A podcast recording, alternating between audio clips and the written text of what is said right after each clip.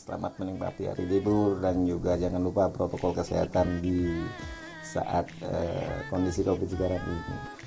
Kalau kita perhatikan mungkin ada yang sedikit gundah ya karena mungkin kemarin ada botolnya yang mungkin kebakaran atau juga ada yang meskipun ada penurunan tapi tetap ceria karena warnanya masih hijau-hijau muja nah eh, jangan panik jangan panik.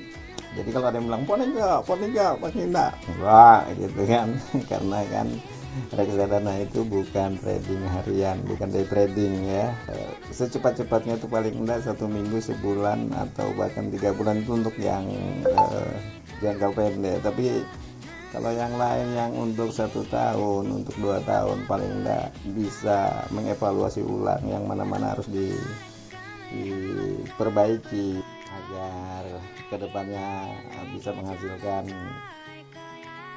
uh, profit yang lebih optimal. Oke selamat siang selamat beristirahat